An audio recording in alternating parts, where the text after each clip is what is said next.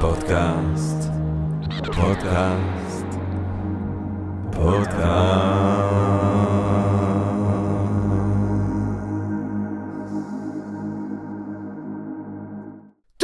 גבירותיי ורבותיי, ברוכות וברוכים הבאים לפודקאסט של Think and Doing Different, פודקאסט למי שאוהב לחשוב ולשתות. אני ג'רמי פוגל, ואנחנו רוצים להתחיל עם רגע של הודיה לעצם היש, למציאות הזאת שלנו, שמאפשרת לנו למרות הכל ובהינתן כל אלה, להיפגש כאן למען הרחבת הדעת, העמקת הידע, גירוי ואולי סיפוק הסקרנות, אולי רעיון נשגב, מעורר השראה, ככה פתאום, וכולנו ביחד ובעברית, כיף חיים, כיף גדול.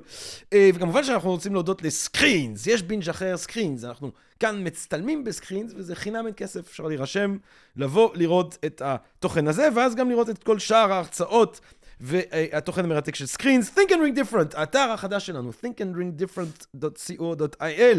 כל ההרצאות, הרתחיתים ועולם התוכן העשיר, המרובה והמרתק של Think and Ring Different. טוב, גבירותיי ורבותיי, אנחנו היום רוצים לדבר בעצם אה, עם אחד מהאורחים המועדפים עלינו כאן, uh, the choicest of our guests, אה, על השימוש ב-DNA אה, בתוך מערכת המשפט בעצם, על הפיתוחים הטכנולוגיים והאופן שזה מאפשר בעצם אה, לנו לדייק הרבה יותר את היכולת המשפטית, היכולת של מערכת המשפט, שזה דבר כמובן שהוא, יש לו חשיבות אה, קיומית. הרבה פעמים אנשים מדברים על תחושת ה... בטיחות שלהם. אני תמיד, כשאני קורא את הובס, ואגב, בפודקאסט שלנו על הספרים הגדולים של Think and Read Different עושים מרכז שלם, עשינו עכשיו פרק על הובס. אה, הלוויתן, פרק י"ג המפורסם, שבו הוא מדבר על המצב הטבע, שבו כולם נלחמים בכל אחד וחייבים לצאת ממצב הטבע, בגלל זה צריך את הלוויתן, צריך את המדינה החזקה, כל הרעיונות האלה של הובס, אה, כדי בעצם לשכנע אותנו אה, שבמצב הטבע זה אכן מצב שבו כולנו במלחמה של הכל בכל, אז הוא אומר, תראו אתם, כשאתם מסתובבים לכם אה, מכפר לכפר, ממקום למקום, אה, נדבר במאה ה-16, אה, אז אתם לוקחים אה, בני לוויה או איזשהו נשק, אתם מפחדים, למרות שיש מי שינקום אה, או שידאג לצדק, אם ובמקרה קורה לך משהו. ואני תמיד אומר, וואלה, במאה ה-16, כמה כבר יכלו למצוא מישהו? אני באיזה יער בין וולברהמפטון לנוטינגהם, ומישהו, איזה... גנגסטור כזה מקומי מוריד אותי ולוקח את המטבעות זהב, כמה כבר אפשר למצוא? זאת אומרת, זה דבר, אמנם אולי היו פחות אנשים והקהילה הייתה אה, עין ואוזן, אה, אבל כמה התרחקנו אה, מהעולם הזה, עם היכולות ההגנתיות, אולי יש לומר, מצלמות ומשטור וכולי וכולי וכולי, ובעיקר אחר כך ראיות ה-DNA והמהפכה הזאת שמאפשרת לנו להגיע למי ש... אה, עושה את מה שהוא עושה. מעניין, אני לא חשבתי על זה, אבל מעניין אם uh, כל הטכנולוגיות האלה מקטינות את הפשע. זאת אומרת, מעניין אם אחוזי הפשע באנגליה של המאה ה-16, נגיד, היו נמוכים או גבוהים מאחוזי הפשע uh, באנגליה של המאה ה-21. זאת אומרת, uh, אני לא בטוח שיש קורלציה, אבל זה מעניין אם זה שהסיכויים שתיתפס גדולים יותר, אשכרה מנמיכים את הסיכויים ש... תרצה אה, לבצע פשע. אה, על כל פנים, על המשמעויות של אה, השימוש ב-DNA במערכת המשפט סביב זירות פשע, אנחנו נדבר היום עם, גבירותיי ורבותיי, התיקו בשיא של האירוחים המרובים ביותר אצלנו בתוכנית, ובצדק רב, דוקטור דני זאבי, גבירותיי ורבותיי, דוקטור דני זאבי, הספצימן האנושי המבריק והמהולל הזה, שאנחנו מאוד מעריכים. אה, פרק רביעי שלנו כאן. אה, דוקטור דני זאבי עשה תואר ראשון בפיזיקה וביולוגיה באוניברסיטת תל אביב. אז הוא עובר למכון ויצמן והוא חוקר שם בתואר שני שלו את האופן שבו שרשראות DNA בגופנו מחליפות אה, חלקים ביניהם. הוא עושה דוקטורט בוויצמן, שבה הוא, בדוק... במחקר הדוקטורט שלו, הוא בנה מערכת אוטומטית להנדסה גנטית של אלפי רציפי DNA בו זמנית. זאת אומרת, מה אתם עשיתם? מה אני עשיתי בחיי? בטח שלא בניתי מערכת אוטומטית להנדסת גנטית של אלפי רצפי DNA בו זמנית. אמ, ולא נורא, כי דני עשה את זה. את הפוסטים שלו הוא עשה בפרינסטון. אמ, כמו איינשטיין איפשהו, באיזושהי צורה. לא, איינשטיין היה במכון ללימודים מתקדמים, זה נקרא, או משהו כזה. של פרינסטון. תראה, זה לא היה פוסט, זה לא ממש לא פרינסטון, לא, זה כזה... אה, זה נבדל? מה אתה אומר? כן. אה, כן, זה גם לא היה פוסט, זה כאילו, אתה יודע. כן, אה, אבל, אבל עדיין, אתה, אתה יודע, you're around. אני מכיר סיפור מאוד משעשע על אה, חבר, אבא של אשתי הוא פיזיקאי, יש לו חבר שעבד שם איזושהי תקופה, גם בזמן שאיינשטיין היה שם. מה אתה אומר? כן, יום אחד הוא נסע באוטו שם, ופתאום הוא ראה את איינשטיין ככה מתקרב לחצות את הכביש, הוא מיד עצר וקיבע את האוטו, אמר, אני לא רוצה להיות זה שדורס את איינשטיין. וואי, לגמרי. אתה יודע, אני, האמת היא, יש לי סיפור קצת דומה, שאני בתואר ראשון שלי, הרבה רצתי, כי כל הזמן איחרתי לשיעורים באנגליה, ואני רץ ורץ ורץ, ואז אני עובר פינה, ואני אומר, אני הייתי שנייה מלדרוס את סטיבן הוקינג, שלימד שם uh, מתמטיקה, כאילו, הייתי שנייה, שנייה. עוד, כמעט נתקלת לו בכיסא. עוד, עוד שנייה, אבל אני אומר, בקטע של כאילו עוד שנייה, ואני הורדתי את סטיבן הוקינג. אה, claim to fame, זה היה חתיכת claim to fame אחר כך. אה, פוסטים, פוסטים בפרינסטון אה, וב-UCLA, ששם הוא חוקר את הבסיס הגנטי אה, של תכונות אה, ומחלות אה, של בני אדם. הוא כיום ראש החוג לביוטכנולוגיה במכללה האקדמית הדסה בירושלים. שם הוא בפרויקט גדול אה, סביב הגנטיקה של אה, סכרת אה, מסוג אחד. סכרת סוג אחד, סכרת נעורים. הוא גם, וזה בעצם הזווית שאנחנו רוצים לדבר עליה היום, מייעץ לעורכי דין בנושא גנטיקה פרנזית, ראיות DNA בעצם, הוא כותב חוות דעת לבתי משפט. נותן הרצאות לקהל הרחב גם, ואני מאוד ממליץ לכולם ללכת לבקר באתר החדש דנדש של דני, גנטיש, G-E-N-E-T-I-S-H. נקודה co, נקודה il, וגם ללכת, אה, להתעדכן אולי על הפרקים, אם לא זכיתם לשמוע אותם, פרקים מרתקים, אני חייב לומר, פרקים מרתקים שעשינו את ה, על ההיסטוריה של הגנום בשני חלקים, א' וב', ואז עשינו פרק אה, על אינטליגנציה וגנטיקה, כחלק מאיזשהו פולמוס שהיה לנו כאן בפודקאסט של Think and Ring Different. גבירותיי ורבותיי, האחד והיחיד, דוקטור דני זאבי. דוקטור דני זאבי. דני זאבי, שלום רב. שלום, טוב. שלום. אני קשקשתי את עצמי לדעת, כמו שאני אוהב לעשות, אבל בוא נחתוך ישר לווריד הצוואר. אה, תן לנו תמונת מצב. מה קורה אה, בעולם המשפט העכשווי סביב אה, ראיות DNA וגנטיקה אה, פורנזית? טוב, קודם כל היום זה יום חגיגי במיוחד, לגמרי במקרה, בלי שתיאמנו את זה מראש. הודיעו היום שבתשיעי, אנחנו מצלמים את זה ב-11 לינואר, כן. ובתשיעי במרץ הולכים לתת את אה, הכרעת הדין במשפט החוזר של זדורוב. אז uh, זה חדשות מאוד מעניינות, והמשפט הזה ספציפית, וגילוי נאות הייתי מעורב שם, ייעצתי לצוות ההגנה שם, הוא חסר תקדים ברמה עולמית מבחינת כמה מהדברים שעלו שם בנושא ה-DNA. מעניין. אה, כן, אז אפשר לדבר על זה, לא, לא, ואולי דרך, דרך זה לראות איך עובדים DNA, כן. אבל אה, אה, בגדול, לכל אחד מאיתנו יש טביעת אצבע גנטית. יש לנו חתימת DNA ייחודית. כל אחד מאיתנו, כל אחד, אם אתה תיקח סתם שני אנשים מהרחוב, יש ביניהם בערך חמישה מיליון הבדלים גנטיים. אם אתה תיקח בני משפחה, אז קצת פחות. המצב היחידי שזה אותו דבר זה אם יש תאומים זהים. אבל בדרך כלל יש מיליונים של הבדלים אצל תאומים גנטיים. זהים, לצורך העניין, זה... יצא מחקר לפני כמה מושלם. שנים שהראה שיש כמה מוטציות בודדות שקרו אה, אה, אה, מיד אחרי שהם אה, התחלקו, עוד בשלב שהם היו כל אחד אה, תאים בודדים, אבל אה, בשיטות הנוכחיות שעובדים בהם כדי לזהות אה, פשע, אה, DNA מזירות פשע, לא עולים על ההבדלים זאת אומרת, הזורים האלה. אח אז- תאום אי אפשר לדעת גנטית נכון, מי היה רצח. מקרה כזה לפני כמה שנים, שאחד מזוג תאומים זהים, זה שרצח את הוריו בישראל. ואז אה, הוא, אחת מהטענות שלו במשפט היה שזה לא הוא, זה אחיו התאום, אבל היו כל כך הרבה ראיות אחרות נגדו, אז אה, כן. זה לא עזר לו, אבל במקרה כזה באמת המשטרה אני חושב צריכה שהוא להביא חיפש. בגוגל, אה, נכון, איך לחצוח את ההורים. כן, והוא משהו. איך לנקות אה, זה, DNA כן. מזירת פשע וכל מיני כאלה, כן. אה, אה, אז- אנחנו צריכים אה, מבין הקהל הקדוש לא לחפש בגוגל. כן, אז, אז uh, uh, ברגע שיש הרבה הבדלים, מה שקורה זה שאם אתה מוצא דגימה בזירת פשע, ואתה לא יודע למי היא שייכת, אם תמצא מישהו שהוא מתאים בדיוק לדגימה הזאת, אז אין שום סיכוי שעוד מישהו בכדור הארץ, הדגימה הזאת שייכת לו.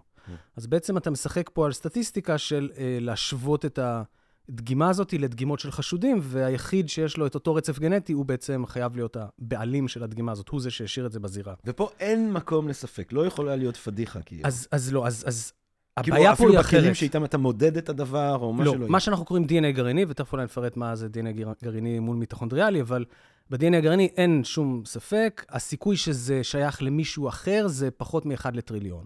וואלה. והבעיה הייתה אחרת, הבעיה היא שלקרוא... סורי שאני ל- למה בכלל יש אפילו סיכוי של אחד מפחות לטריליון? אז אני, אני אסביר, כי אה, זה בגלל השיטה הספציפית שבה אוקיי. בודקים. אז אתה לא יכול, מבחינה, אין, אין אה, פיזיביליות לקרוא את כל החמישה מיליון הבדלים, את כל הגנום, הגנום שלנו באורך של שלושה מיליארד אותיות. זה עצום, זה לפחות עד לפני כמה שנים היה סופר יקר לקרוא את הכל. הגנום הראשון שקראו אותו עלה סדר גודל של שלושה מיליארד דולר, וזה היה, לקח 15 שנה. היום במעבדה אנחנו שולחים דגימות, מקבלים אחרי כמה שבועות תשובה, זה עולה בערך 600 דולר, סדר גודל. 600 דולר ואתה מקבל את כל שלושת המיליארד כן, האותיות? כן. אה, ואתה יכול אפילו יותר, אם אתה מקבל את זה באיכות קצת יותר, אה, לשלם פחות ולקבל את זה באיכות קצת יותר נמוכה, אבל אה, בגדול זה הסדרי גודל. אבל בטח, ה-DNA פורנזי משתמשים כבר 40 שנה כמעט. אז אז בטח לא היה כזה דבר שאפשר לקרוא את כל הגנום, וזאת הייתה הבעיה, כי כדי להגיע, רוב הגנום שלנו, אנחנו, אנחנו שנינו זהים 99.8 אחוז בגנ... בין הגנום שלך לגנום שלי. אז אם אני אקח עכשיו, נגיד שאתה עשית פשע, כן, כמובן, השארת את, ה... את איזושהי דגימה שלך, שערה שלך, לא יודע, דם, משהו, השארת בזירת הפשע, ועכשיו ישבו את זה אליי, אז הרוב יהיה ממש אותו דבר. עד שיגיעו להבדלים ביני לבין הדגימה הזאת, תצטרך לשלם הרבה כסף וזה ייקח הרבה זמן. וזה עיכב את התחום הזה הרבה שנים, למרות שיש לנו DNA כבר מאמצע שנות ה-50, אז אה, אה, DNA פורנזי, השימוש של DNA בזירה הפורנזית זה רק מאמצע שנות ה-80 בערך, 30 שנה זה לקח. והסיבה זה שהיו צריכים למצוא דרך לקרוא בצורה מאוד יעילה ומאוד זולה, למצוא את ההבדלים דווקא בין אנשים. כי הרוב המוחלט, אתה תקרא DNA, זה יהיה לך מאוד משעמם. DNA של כל שני אנשים, לא משנה מאיפה לקחת אותם, אה, זה יהיה כמעט זהה, ואז פעם באיזה 500 אותיות, 1,000 אותיות, אתה פתאום תראה הבדל. ואנחנו יודעים איפה לחפש את ההבדלים? זאת אומרת, יפה. אנחנו יודעים מראש לדעת מה אז- יהיה זהה? אז אה, כן, אז אה, יש אזורים שהם מועדים לשונות. וזה בדיוק התגלית שהובילה לפריצה של ה-DNA, של הגנטיקה הפורנזית. זה קרה בשנת 1984 באנגליה, כשבחור מדען בשם אלק ג'פריז, שבכלל לא עסק בגנ... בגנטיקה פורנזית, ב-DNA, בפשע וזה, הוא עסק בחקר של חלבונים אה, מסוימים אה, ש... שעניינו אותו. יום אחד אה, הטכנאי, הוא לקח DNA מהטכנאי שלו כדי לעשות כל מיני בדיקות, ויום אחד הוא הבין מתוך הדגימות שבעצם הוא מסוגל להשוות בין דגימות, הוא גם הביא מבני משפחה, ואז הוא פתאום ראה שהוא יכול לקשר בין, להשוות בין דגימות באמצעי שתכף אה, נספר עליו, ולהבין ששתי דגימות הן שייכות לאותו בן אדם, או לקרוב משפחה, או למישהו שהוא לא קשור. זאת אומרת, וה- עד ל-84 גם לא יכולת לעשות כזה פטרניטי טסט באיזושהי... לא, לא. מה אתה אומר? ומה שבעצם הוא אה, אה, גילה, זה שהוא הוא גילה דרך להשתמש, יש לנו בגנום רצפים שנקראים רצפים חוזרניים. הם לא משמשים כמעט לשום דבר, הם סוג של DNA, ג'אנק DNA כזה. ומה שקורה זה שבאזורים הספציפיים האלה, נגיד יש לך, DNA יש לו ארבע אותיות, ACGT, נגיד אה, ניקח אה, חזרה של GACT. מסתבר שיש אזור מסוים, נגיד בכרומוזום מספר 16, שלך יש שם GACT, GACT, GACT, GACT, חזרה כזאת על המוטיב הזה, נגיד חמש פעמים. ולי יש שבע פעמים. ולמישהו אחר יש עשר, ולמישהו אחר יש 16, זה אזור שיש בו המון הבדלים בין האנשים. אז עכשיו, אם אני מוצא זירה, דגימה בזירת הפשע, ואני מסתכל רק על האזור הספציפי הזה, ואני רואה שוואלה, יש שם חמש חזרות. כלומר, אני הולך הזה. ה-16, כן, ובודק שמה, ואני רואה שיש חמש חזרות מהמוטיב החוזר הזה, אז אני מיד יכול לפסול אותי. ואני לא צריך לקרוא את כל הגנום, שזה יקר ולוקח הרבה זמן, אני רק מסתכל על האזור הספציפי הזה, וכבר פסלתי אותי ועוד מלא מלא אנשים אחרים, ונגיד שנשארו איזה עשרה אחוז מהאוכלוסייה שיש להם את אותו מספר חזרות שם, כמוך, אז אתה עכשיו נשארת חשוד יחד עם עוד עשרה אחוז מהאנשים בכדור הארץ. אז מה עושים? הולכים לעוד אזור כזה, על כרומוזום 17, אחרי זה על כרומוזום 18 ו-19, שזה וכל... הולכים למקומות שמיועדים להבדלים. כן, בדיוק. ואז אתה, אם אתה מתאים, עכשיו, אתה, כל פעם אתה בעצם, זה סטטיסטי, כל פעם אתה פוסל עוד אנשים, אז הסיכוי שזה לא אתה הולך בעצם וקטן, ואז, או הסיכוי שזה כן אתה הולך וגדל, אחרי שאתה בערך מגיע ל-20 אזורים כאלה בגנום, הסיכוי כבר שזה לא אתה הוא פחות מ-1 לטריליון. אין בעצם עוד בן אדם בכדור הארץ עם אותם מספר חזרות בכל אחד 20. מהכרומוזומים. סדר גודל, יש לנו במשטרת 26, ישראל, נכון? יש לנו 23 זוגות, ש- 23 כרומוזומים. כן. אה, בארץ אה, משתמש, אה, השתמשו פעם ב-16 מקומות, היום 24, ה-FBI משתמש ב-20, זה, זה הסדר גודל, כן. רק שם, אבל איך אפשר להשתמש ב-24 מקומות כשיש לך רק 23 כרומוזומים? לא, אתה, אתה פשוט לוקח מאותו כרומוזום, משני מקומות שונים. אה, הבנתי. זה, הבנתי. כרומוזומים מאוד גדולים, הם... כרומוזום ממוצע הוא בערך 100 מיליון אותיות, אתה מסתכל על ממש נקודה מאוד ספציפית. מעניין. אה, אתה רוצה לעשות את זה בדרך כלל מכרומוזומים שונים, כי לטובת הסטטיסטיקה זה עוזר לך. כן. לא, לא ניכנס עכשיו לפרטים הטכניים, הם פחות חשובים. אז, אז זה בעצם הייתה פריצת הדרך הגדולה. אה, אלק ג'פריס קיבל עם הזמן, הוא פרסם את זה בנייצ'ר, ומיד כולם הבינו את המשמעות של זה, גם הוא במאמר שהוא מתאר את השימוש האפשרי בזה. אה, יותר מאוחר הוא קיבל גם אה, תואר אבירות מהמלכה, הוא עכשיו אה, לורד. המלכה המנוחה, הוא סר. סר אלק ג'פריס. סר, כמובן. והוא גם השתתף בפתרון של הרצח הראשון שפתרו בעזרת DNA. מה אתה אומר? שקרה פשוט כמה קילומטרים ליד אוניברסיטת לסטר, איפה שהוא עבד, והם פשוט פנו אליו כדי לנסות שיעזור להם עם ה case הזה. זה אה, מישהו שאנס ורוצח סדרתי, שאנס ורצח, נערה בת 15 שיצאה לעשות בייביסיטר, ולא חזרה הביתה, כאילו, יצאה משם ולא חזרה הביתה, ומצאו את הגופה שלה, והיא נאנסה ונרצחה, ולא מצאו מי זה היה. אה, זה קרה ב-83. אלק ג'פריס מגלה את טביעת האצבע הגנטית ב-84. ב-86, אה, עוד פעם, הרוצח מכה שנית, עוד פעם נערה בת 15, הולכת לחברה, לא מגיעה הביתה, מוצאים את הגופה שלה, נאנסה ונרצחה אותו דבר, ואז המשטרה אה, פותחת בחקירה מאוד מאוד אינטנסיבית. בכל זאת, כאילו, שתי רציחות אה, כאלה אכזריות בהפרש כל כך קטן. אז הם אה, עוצרים, הם מצליחים לעצור איזה אה, בחור צעיר, בן אה, 17, ש, אה, עם פיגור שכלי קל, שזה אגב אה, מוטיב חוזר בהמון הודעות שווא.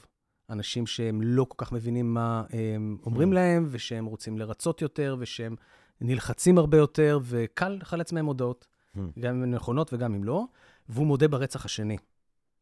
אה, זו נערה שהוא הכיר, והוא הודה שהוא רצח אותה, ואפילו אה, לטענת המשטרה סיפק פרטים מוכמנים, מה שהם אוהבים. אבל בגלל שהם היו בטוחים שזה רוצח סדרתי, אז הם ניסו לגרום לו להודות גם ברצח הראשון, והוא לא הסכים. Hmm. ואז הם פנו לאלק ג'פריז, שהיה סך הכל כמה קילומטרים משם, ואמרו לו, שמענו שפיתחת את השיטה הזאת להשוות בין דגימות DNA, בוא תשווה את הדגימת DNA של הרצח, מהרצח השני, כי היו, הוא- ה- ה- זה היה אנס ורוצח שהשאיר אה, אה, תאי זרע בעצם, כן. השאיר זרע שלו על שתי הגופות, על הבגדים. אז אה, אה, הוא הסכים, ואז הוא השווה בין הדגימות DNA של הרוצח, וראה שזה באמת אותו רוצח, שזה אכן רוצח סדרתי, ואז הוא השווה את זה לדגימת DNA של הבחור הצעיר הזה, וגילה שזה לא הוא. Hmm. וזה היה בעצם, השימוש הראשון ב-DNA היה בעצם כדי לזכות חף מפשע, לא כדי להרשיע מישהו. ומשטרת בריטניה, לזכותה ייאמר שמיד שחררו אותו. כאילו הם שם, אבל הם ב-83, בזמן הרצח הראשון, הם שמרו על דגימות, שומרים על בגדים מהזירה, בוודאי, אמורים לשמור על ראיות אבל אה, אז הרבה לא שנים היה אחר כך. בכלל מה לעשות עם זה, כי אין לך לא, אפשרות להשתמש למשל, בראיות הם, פורנזיות. למשל, אחת הסיבות שהם חשבו שזה אותו רוצח, זה כי הייתה להם יכולת לעשות בדיקה של סוג הדם. Hmm. משתי אה, אז הדגימות, אז היו בדיקות ביולוגיות אחרות, כן. כן, בדיוק. רק שסוג הדם, אז זה גם מתאים לעוד אה, 40% מהאוכלוסייה, אז כן. אתה לא יכול על סמך זה להרשיע מישהו. והסיפור הזה נהיה עוד הרבה יותר מעניין, כי הם השתמשו ב-DNA כדי לתפוס את הרוצח האמיתי. אז זה הפעם השנייה שהשתמשו ב-DNA כדי לתפוס את הרוצח בתיק הזה. ותפסו? כן, מה אתה אומר? אבל איך הם עשו את זה? הם, אה, אה, לא היה להם למה להשוות. זה לא היה מאגר DNA כן. כמו שיש היום, זה היה משהו חדש לגמרי. אז הם הקימו אה, שתי תחנות לאיסוף DNA בעיירה, והם ביקשו מכל הגברים באזור לבוא ולתת דגימת DNA, כדי שאפשר יהיה להשוות ל-DNA של הרוצח שהיה להם מהדגימ... מהגופות. ואז אה, אה, אתה אומר, רגע, מי הרוצח הטיפש שילך וייתן את הדגימה? אז כל הכוונה שלהם הייתה שכל מי שהולך בעצם נפסל כחשוד, כי הוא מן הסתם לא יתאים, ומי שלא הולך לתת דגימת DNA, משהו, כאילו רמת החשד נגדו עולה. וזה פעל במשך חצי שנה, הם אספו בערך 5,000 דגימות, אף אחת מהן לא התאימה ל-DNA של הרוצח, ואז הייתה פריצת דרך שהיא נשמעת דמיונית, אבל היא קרתה באמת. נכנסה יום אחד איזו חבורה של אה, בריטים צעירים שמחים לבר, התיישבו והתחילו לשתות, ואז אה, אחד החבר'ה אומר לכולם, היום אני משלם. אמרו לו, מה, אתה לא, זה, לא איזה עשיר גדול? אז הוא אמר, כן, אבל היום מישהו, ב... הוא עבד במאפייה, מישהו, אחד מהחבר'ה, נתן לי 200 לירות סטרלינג, שאני אלך לתת דגימת DNA במקומו, Hmm. בתחנה הזאת. אז אמרו לו, מה, הוא מעורב ברצח? אז אמר, לא, הוא אמר לי שכשהוא היה צעיר, הוא הסתבך בכל מיני אה, פריצות וזהו, הסתבך עם המשטרה, הוא לא רוצה שה-DNA שלו יהיה אז אצלם. הוא הביא לו 200 פאונד כדי שהוא יבוא עם התעודת זהות שלו וייתן... הוא יגיד, כן, אני... ואז זה וזה." עליו. בדיוק. וואי, חכם. עכשיו, הם איכשהו קיבלו את ההסבר הזה, אולי הם שתו קצת יותר מדי, אני לא יודע, כן. והלכו הביתה. אבל הברמן שמע את השיחה, וואו, התקשר למשטרה. וואו. המשטרה הלכו אליו הביתה, אמרו לו, מי, מי זה הבחור הזה? הלכו אליו, בחור בשם קולין פיצ'פורק, מי שרוצה לקרוא קצת על, ה, על הקייס הזה. אה, זה הרוצח, ואז הם, אה, הוא אמר מי הבחור, מי החבר הזה שנתן לו את הכסף. הלכו אליו, עצרו אותו, בדקו לו את ה-DNA, ואכן זה ה-DNA של מה. אתה אומר? וואי, סיפור כל כך בריטי, כאילו. נפת- הכל נפתר סביב כמה בירות בפאב, כאילו. כן. כמו שצריך. אז זה בעצם היה השימוש הראשון, ואז התחילו להקים, אה, הבינו שצריכים בנק DNA כדי אה, אה, שיהיה למה להשוות, שלא יצטרכו חצי שנה לאסוף אה, דגימות DNA, ו, אה, והתחילו להקים בנקי DNA ב-90 בבריטניה, ואחרי זה ב- ב- בשנות, בשנות ה-90 התחילו בעצם בכל המדינות המערביות. אלינו, לישראל, זה הגיע קצת יותר מאוחר. ב-2007 העבירו חוק בישראל שאפשר לקחת דגימות DNA מחשודים, הקימו בנק DNA. יש בו היום בערך חצי מיליון דגימות בבנק הדגימות בארץ. הישראלי, כן. וזה מה, בערך זה חמישה בהתנדבות אחוז שאנשים מהאוכלוסייה. הולכים לתת לא, שם את ה-DNA שלהם? לא, לא, לא. זאת אומרת, אם עוצרים אותך על עבירה מסוימת ומעלה, פעם זה היה עבירה יותר חמורה, היום כבר הקלו את זה, אז לוקחים לך בעצם דגימת DNA, שיהיה. אה, כן, ומכניסים למאגר. אם הרשיעו אותך בעבירה, אז שומרים את ה-DNA שלך גם עד 20 שנה אחרי שאתה מת. אם לא הרשיעו אותך, אז אה, צריך אה, להשמיד את הדגימה ולמחוק את השורה שלך מה database אחרי 7 שנים. ומוצאים את ה-DNA הזה בתוך רוק. אתה, אוקיי, אז זה עיקרון נורא נורא חשוב שמשתמשים בו בזירות פשע ובכלל בגנטיקה פורנזית. כל תא בגוף שלנו בעצם מכיל עותק זהה של הגנום שלנו. אנחנו הרי מתחילים מתא אחד, נכון? התא זרע פוגש את הביצית, הם מתאחים. בתא האחד הזה כבר יש את כל התוכנית לבנייה שלנו. והתוכנית הזאת היא זאת מוכפלת. אומרת, בתא האחד הזה יש כבר שלוש מיליארד האותיות. כן, ובעצם זה, יש שישה מיליארד, כי יש לך שני עותקים של Hmm. הגנום. עותק אחד שאתה מקבל מאבא, עותק אחד שאתה מקבל מאמא.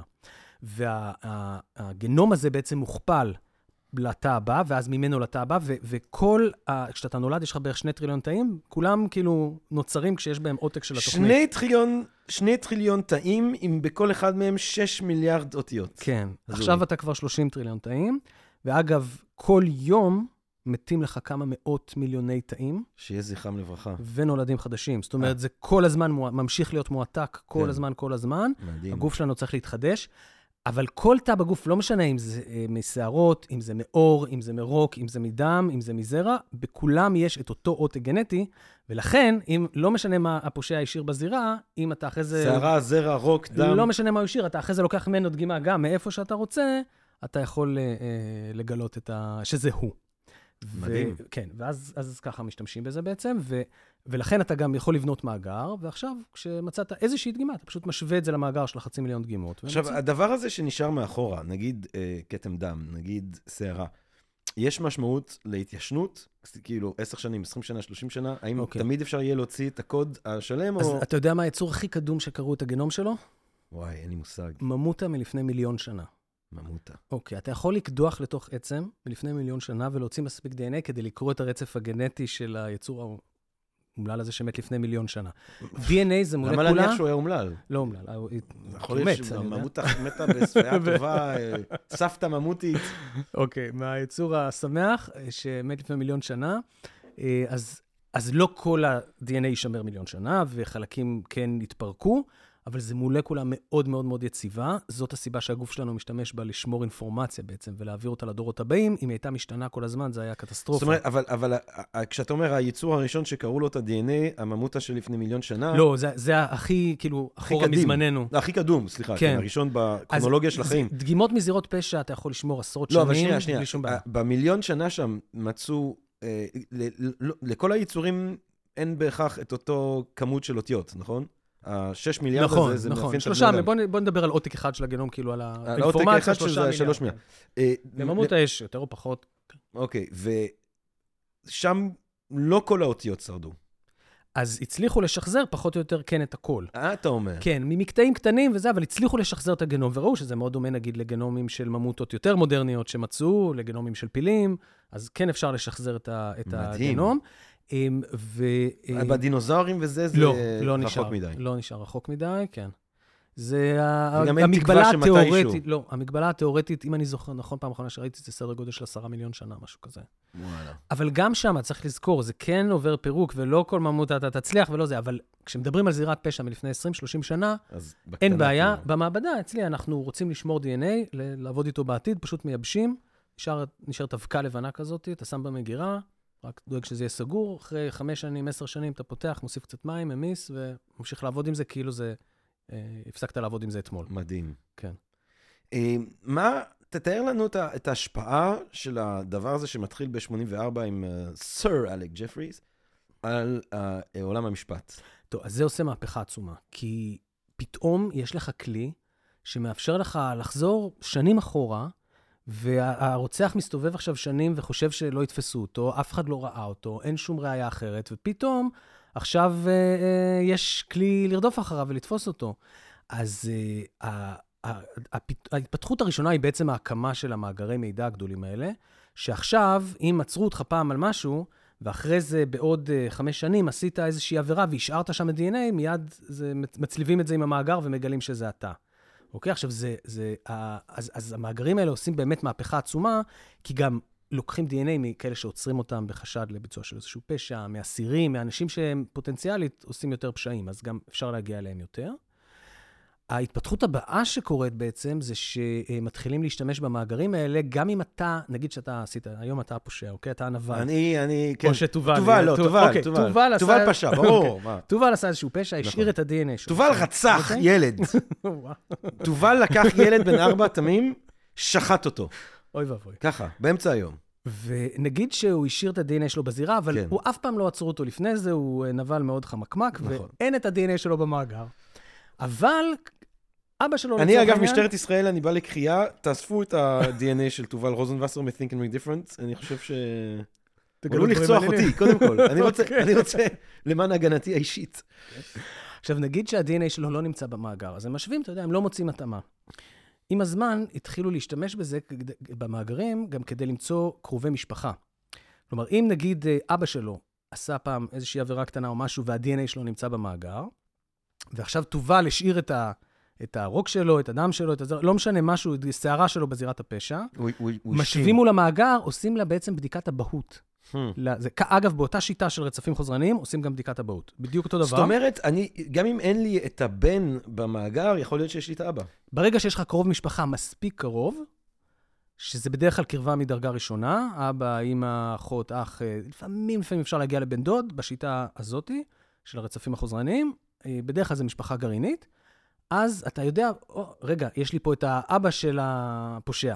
ואז אתה פשוט מסתכל מי הילדים שלו, הולך אליהם, לוקח מהם דגימה, ואז יש לך כבר התאמה של 100% באותה שיטה של ה-20 רצפים חוזרניים, שכאילו הולכים איתה לבית משפט ואומרים סיכוי של פחות מ-1 לטריליון שזה לא הוא. אז אה, זה, זה בעצם הייתה ההתקדמות הבאה, ו, ופתרו ככה רציחות, כולל בישראל. יש אה, רצח מאוד מפורסם של אה, נועה אייל, נערה שבגיל, בשנת אה, 1998 אה, עלתה על טרמפ בירושלים, היא סיימה לראות סרט עם חבר, ורצה לתחנת האוטובוס וראתה ככה את האוטובוס האחרון מתרחק. ראו אותה עולה על טרמפ, מישהו אפילו כמעט זכר את המספר של הרכב, טעה באיזה שתי ספרות.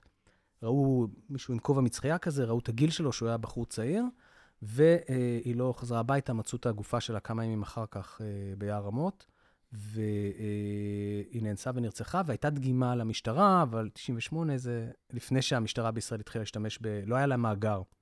וגם כשהיה מאגר, כשהקימו את המאגר, הדגימה הזאת אף פעם לא התאימה לאף דגימה שהם uh, מצאו, אבל 16 שנים אחר כך הם עשו את ההשוואה הזאת, הם עשו בעצם בדיקת אבהות לדגימה שהייתה בזירת הפשע, והם גילו שאבא של הרוצח נמצא אצלם במאגר. Hmm. ואז הם התחילו לעקוב אחרי, ה... היו לו שני בנים, הם עקבו אחריהם, אחד מהם הלך ברחוב ונתן איזו יריקה כזאת עסיסית, רצו אחריו ככה עם המטוש, אספו את זה לתוך מבחנה, בדקו וראו באמת שזה, שזה הוא, והוא הורשע ברצח ונידון למאסר עולם. אה, איש בשם אה, דניאל נחמני. אשכרה. אה, שבע ימים בכלא, כן. ו-16 שנה אחרי, הוא וכאילו אגב... אין לך שום דבר סרקומסטנשל. אתה לא יודע איפה הוא היה באותו יום, אתה לא. יודע... אה, 16 אליבי שנה לא אחרי. הוא בינתיים לא הקים. משפחה, חי חיים נורמטיביים, עבד במוסר, כלום, כאילו, זה, לא היו תופסים אותו לעולם. זאת אומרת, כל מה שצריך כדי להכניס מישהו, להרשיע אותו, אנחנו מרגישים בנוח שכל מה שיש זה בעצם דגימת דנ"א. זה חד משמעית, זה מלכת הראיות. הוא טוען לחפות? האיש לא, הזה? הוא, הוא, הוא טען, אני מניח, אני לא עקבתי אחרי הדברים הספציפיים שהיו במשפט, הוא טען שהשיטה שלקחו, הבדיקת אבהות הזאת שזה, זה לא בסדר, ו...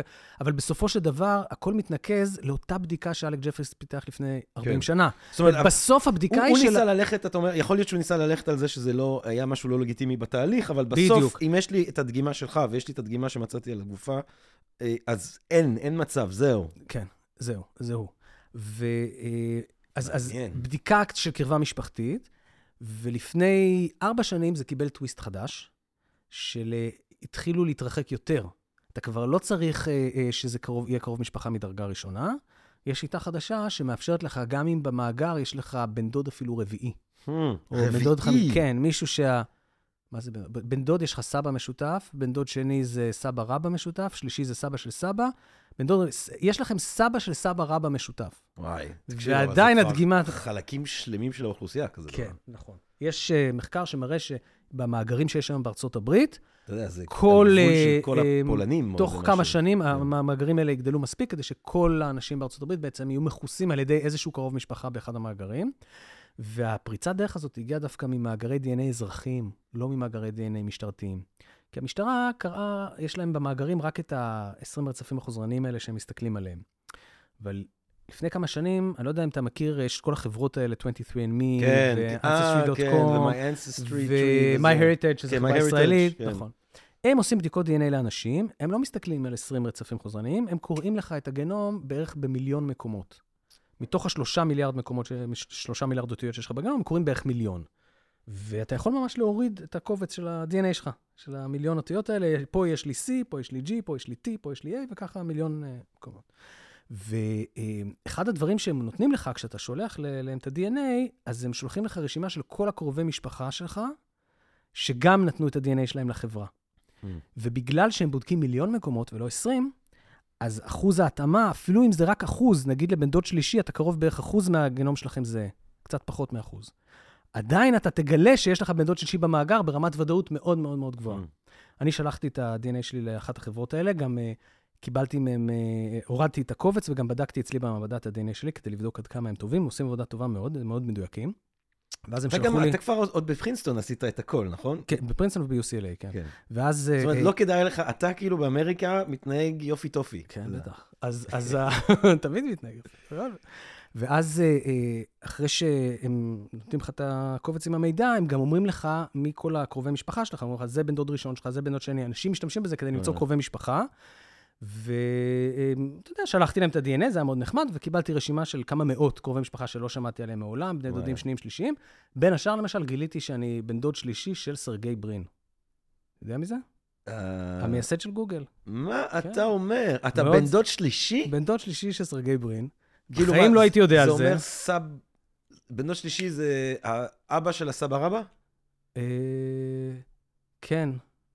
סבא של סבא, כאילו. אה, מה אתה אומר? רק שם, כן. המוצא שלך באופן... אשכנזי.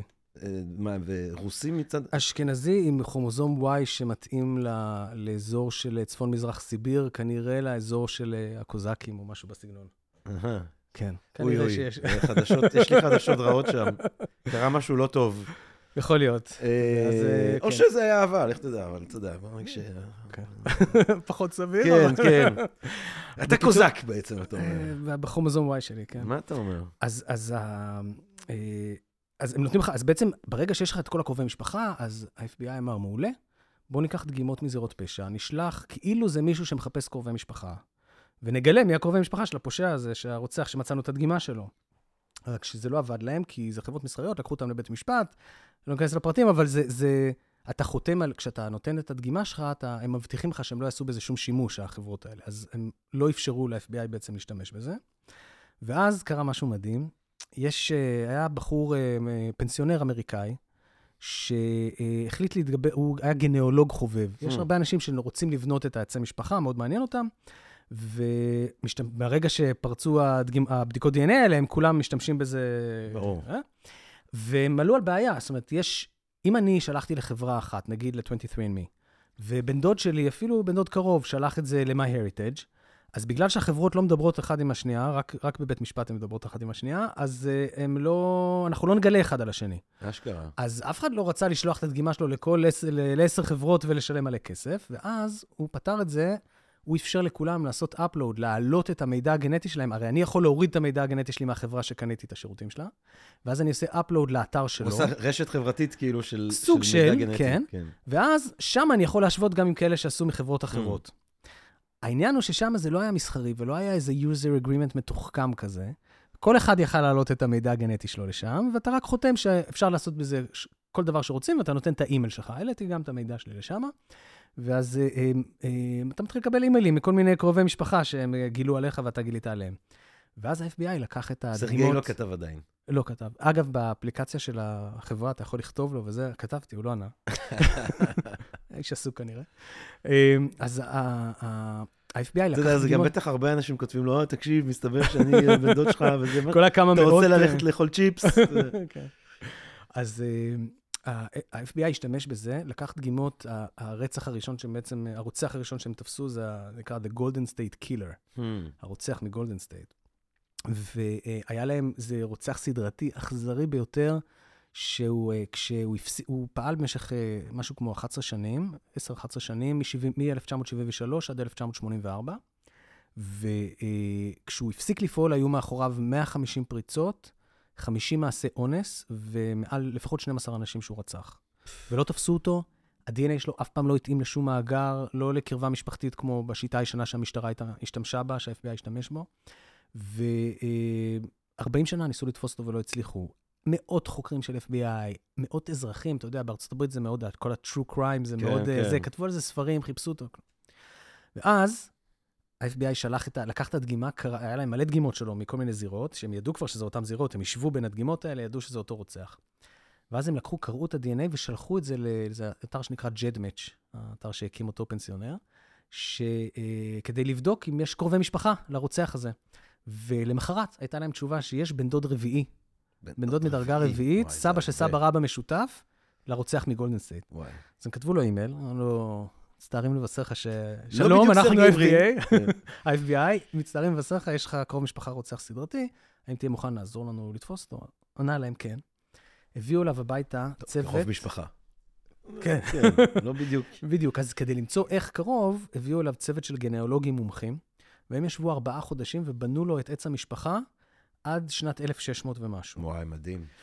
ואחרי שהם בנו את כל עץ המשפחה. הזה, הם התחילו לעבור ענף-ענף ולעשות דגימות DNA לאנשים בענפים השונים, עד שהם הגיעו, התמקדו על איזשהו ענף, שהם ראו מדהים. שזה יותר קרוב כבר לרוצח, מדהים. והתמקדו עוד ועוד ועוד ועוד, ונשארו בסוף עם חמישה חשודים ושניים וזה, ובסוף עם אחד. מה אתה אומר? והאיש הזה היה אה, אה, אה, בגיל פחות או יותר המתאים, גר בקליפורניה באזורים קרובים לאיפה שהיו הרציחות, אז ככה החשד נגדו עלה.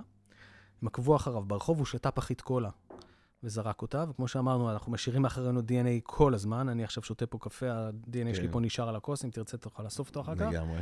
ולקחו את ה-DNA, בדקו, והתאמה של 100% לרוצח מגולדן סטייט, אותם מלא מלא, עשרות דגימות שהיו להם מכל הזירות רצח. אז הם עצרו אותו, ומשפט, והוא היה אמור ל- לקבל עונש מוות, בסופו של דבר עשו איתו איזושהי עסקת טיעון שהוא יודה והוא יקבל מאסר עולם. אה, והאמת שהסיפור שם הוא מדהים, כי אחת הסיבות שלא עלו עליו זה כי הוא לא נתפס על, כמעט על פשעים אחרים, לא, בטח לא בתקופת האיסוף DNA. האיש היה שוטר.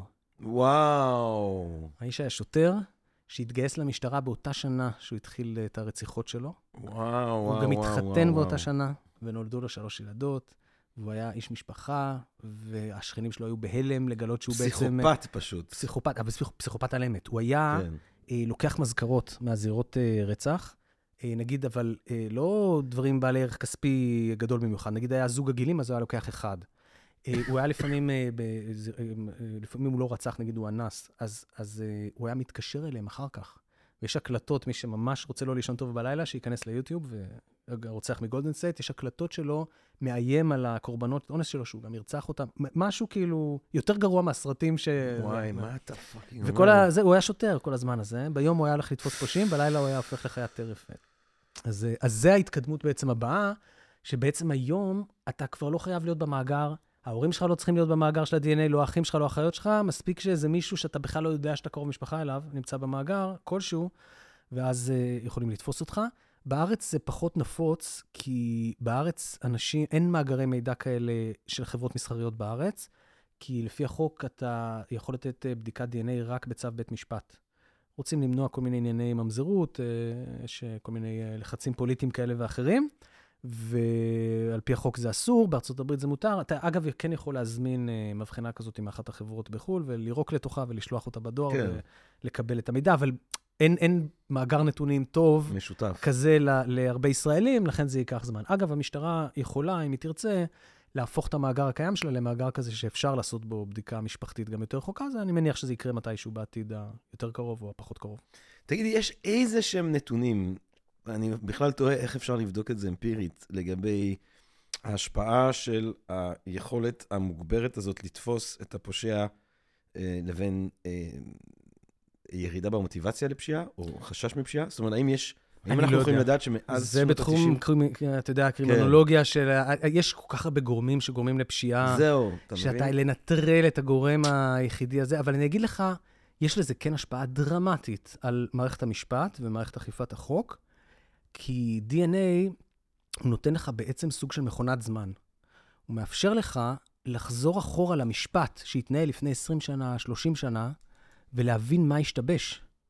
מה, מה קרה, כי אתה עכשיו יודע, נגיד שמישהו נשפט, ויש מאות כאלה בארצות הברית, אה, אה, שגילו אחרי 30 שנה, דרך בדיקות DNA שלא היו קיימות אז כשהוא ביצע את הפשע, אבל כן קיימות היום, עשו בדיקת DNA מחודשת, וגילו שבעצם האיש הלא נכון יושב בכלא. כן. ואז חוזרים אחורה ומסתכלים מה, מה קרה במשפט שלו. נגיד הוא הודה, למה? זו הודעת שווא. אה, מישהו אה, ראה אותו מבצע את הפשע, אז בעצם הוא לא ראה אותו, זה טעות בעדות ראייה. טונות ואפשר- של סטריאופטיזציה יפה. גזענית. אז הנה אני אשאל אותך, כן. מה, כשעושים את המחקרים האלה, אגב, כל מי, ש, מי שהתחיל את התהליך הזה בארצות הברית, זה שני חבר'ה, אה, שני עורכי דין יהודים מניו יורק, בתחילת שנות ה-90. ב- גר- גרי, איך קוראים לו? ברי, לא זוכר את השם, ברי כן. משהו, ופרויקט איך איך קוראים לזה? לפרויקט? החפות, The Innocence Project. דרור, תבדוק שנייה את השם של העורך דין של ה-Innocence Project, בבקשה. ו... אה, שליק, של- יש משהו עם ש, ברי, ש... דרור יגיד. אוקיי. אורייט. והם ראו שמתחילים, אה, בתי משפט מתחילים להשתמש ב-DNA כדי להרשיע, אז אמרו, רגע, יש המון אה, פושעים שיושבים אה, המון שנים בכלא ואומרים שהם חפים מפשע. אולי עכשיו, מה זה? ברי שייק. ויש עוד אחד. כן, ויש... ואיך השני? פיטר ניופל. כן. נדמה לי שברי שייק הוא, מישיבה יוניברסיטי. בניו יורק. והם אה, אה, התחילו לפנות אליהם אסירים, והם התחילו, הם לקחו כמה סטודנטים והתחילו לעבוד על הזה, והתחילו לעשות בדיקות DNA לכל מיני ראיות מתיקים מאוד ישנים, ולתדהמתם גילו שתיק אחרי תיק, אסיר אחרי אסיר אחרי אסיר שהם בדקו, חף מפשע שיושב בכלא סתם. וואי, וואי, וואי, וואי. וה, ואז התחילו במיוחד לחזור... בארצות הברית, שזה תעשייה פרטית של הכלא וזה, שיש אינטרס להכניס. אנשים לכלא, וטונות של לא גזענות במערכת המשפט. אז זהו, זה, כל מערכות המשפט בעולם טועות. מי שחושב שמערכת המשפט לא טועה, הוא טועה בעצמו. כן. והיכולת הזאת עכשיו לחזור אחורה ולהסתכל על הפרוטוקולים של המשפט ולהבין מה קרה, היא מדהימה. אז למשל, אני אשאל אותך, מה לדעתך, כשעושים את המחקרים אחורה על הדבר הזה, מה הסיבה הכי שכיחה להרשעות שווא? שראו שזה הרשעת שווא בגלל ה-DNA 30 תראה, שנה אני, אחרי. אני, אני לא יודע אם, זה הסיבה הכי שכיחה, אבל אחת שמאוד מעניין אותי, שזה הקטע של הודעות שווא. אוקיי, אז הודעות שווא זה מספר 2. אז המספר אחד, זה יהיה, לא יודע, דעות קדומות? עדות ראייה שגויה. Hmm. ב-70% מהרשעות השווא היו עדות, עדויות ראייה שגויות. מישהו שאמר, ראיתי אותו, הצביע עליו בבית משפט, ובעצם זה לא היה הוא. וואלה. וזה נובע מהמון סיבות. יש מקרה מאוד מאוד מפורסם של אה, בחורה צעירה אה, בשם ג'ניפר תומפסון, שמישהו אנס אותה, והיא הסתכלה עליו במהלך האונס, היא אמרה, אם אני שורדת, אני חייבת להיות מסוגלת לזכור איך הוא נראה. והוא ברח אחרי האונס, אה, והיא הלכה למשטרה, וכמה ימים אחר כך נתנה תיאור, וכמה ימים אחר כך עצרו מישהו. ואז עשו לה מסדר זיהוי, ונתנו לה להסתכל על כמה תמונות, ביניהם היה תמונה שלו, והיא אמרה, אני חושבת, אולי, אני אולי זוכרת אותו. ואז אמרו לה, כל הכבוד, זיהית באמת את מי שעצרנו. וזה בנה לה את הביטחון שזה באמת הוא, ועכשיו בזיכרונה, הרי אנחנו לא באמת זוכרים כן. את האירוע שקרה, כן, אנחנו כל פעם נזכרים לא יציב. בזיכרון האחרון שנזכרנו באירוע שקרה. מאותו רגע, הפרצוף שלו היה אצלה הרבה יותר מוטבק כן. בפרצוף של האנס. ואז עשו מסדר זיהוי חי, ועוד פעם היא זיהתה ואמרו לה, כל הכבוד זיהית, ואז במשפט אה, היא אמרה, זה הוא. הכניסו אותו לכלא.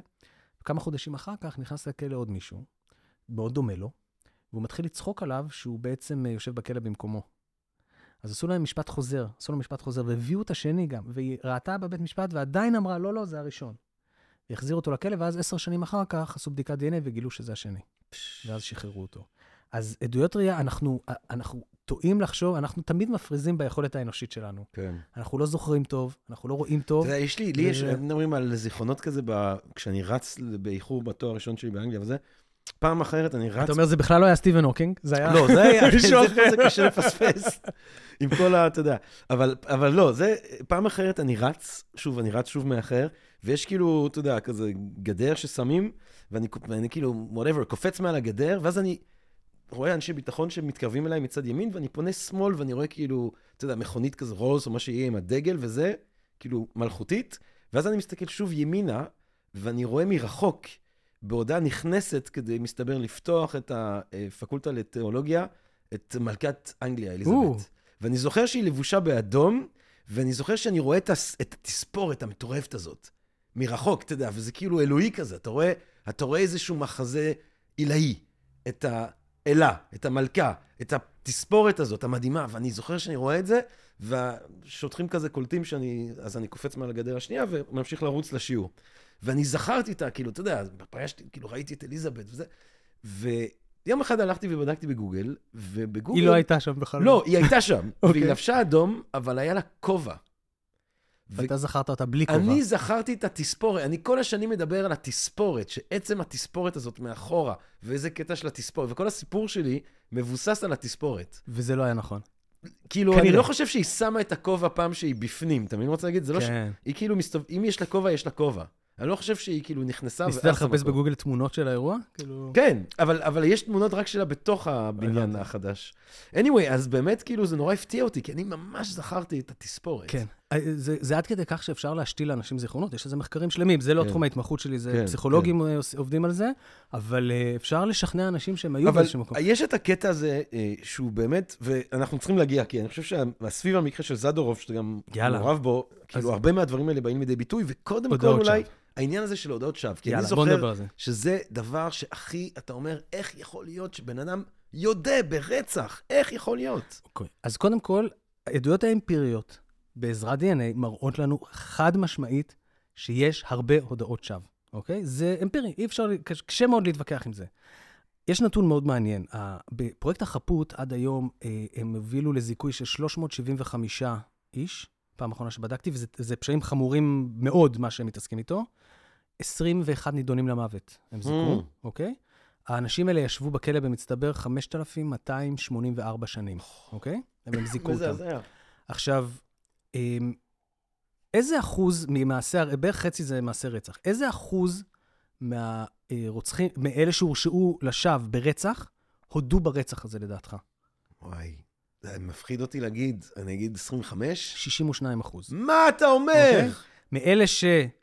תראה, לפעמים אנשים מודים ברצח והם באמת רצחו, אבל מאלה שאנחנו יודעים שזו הייתה הרשעת שווא, 65 אחוז הודו? 62 אחוז מהמקרים, האנשים האלה הודו ברצח שהם לא ביצעו. הזוי, זה מטורף. עכשיו אני אתן לך עוד נתון.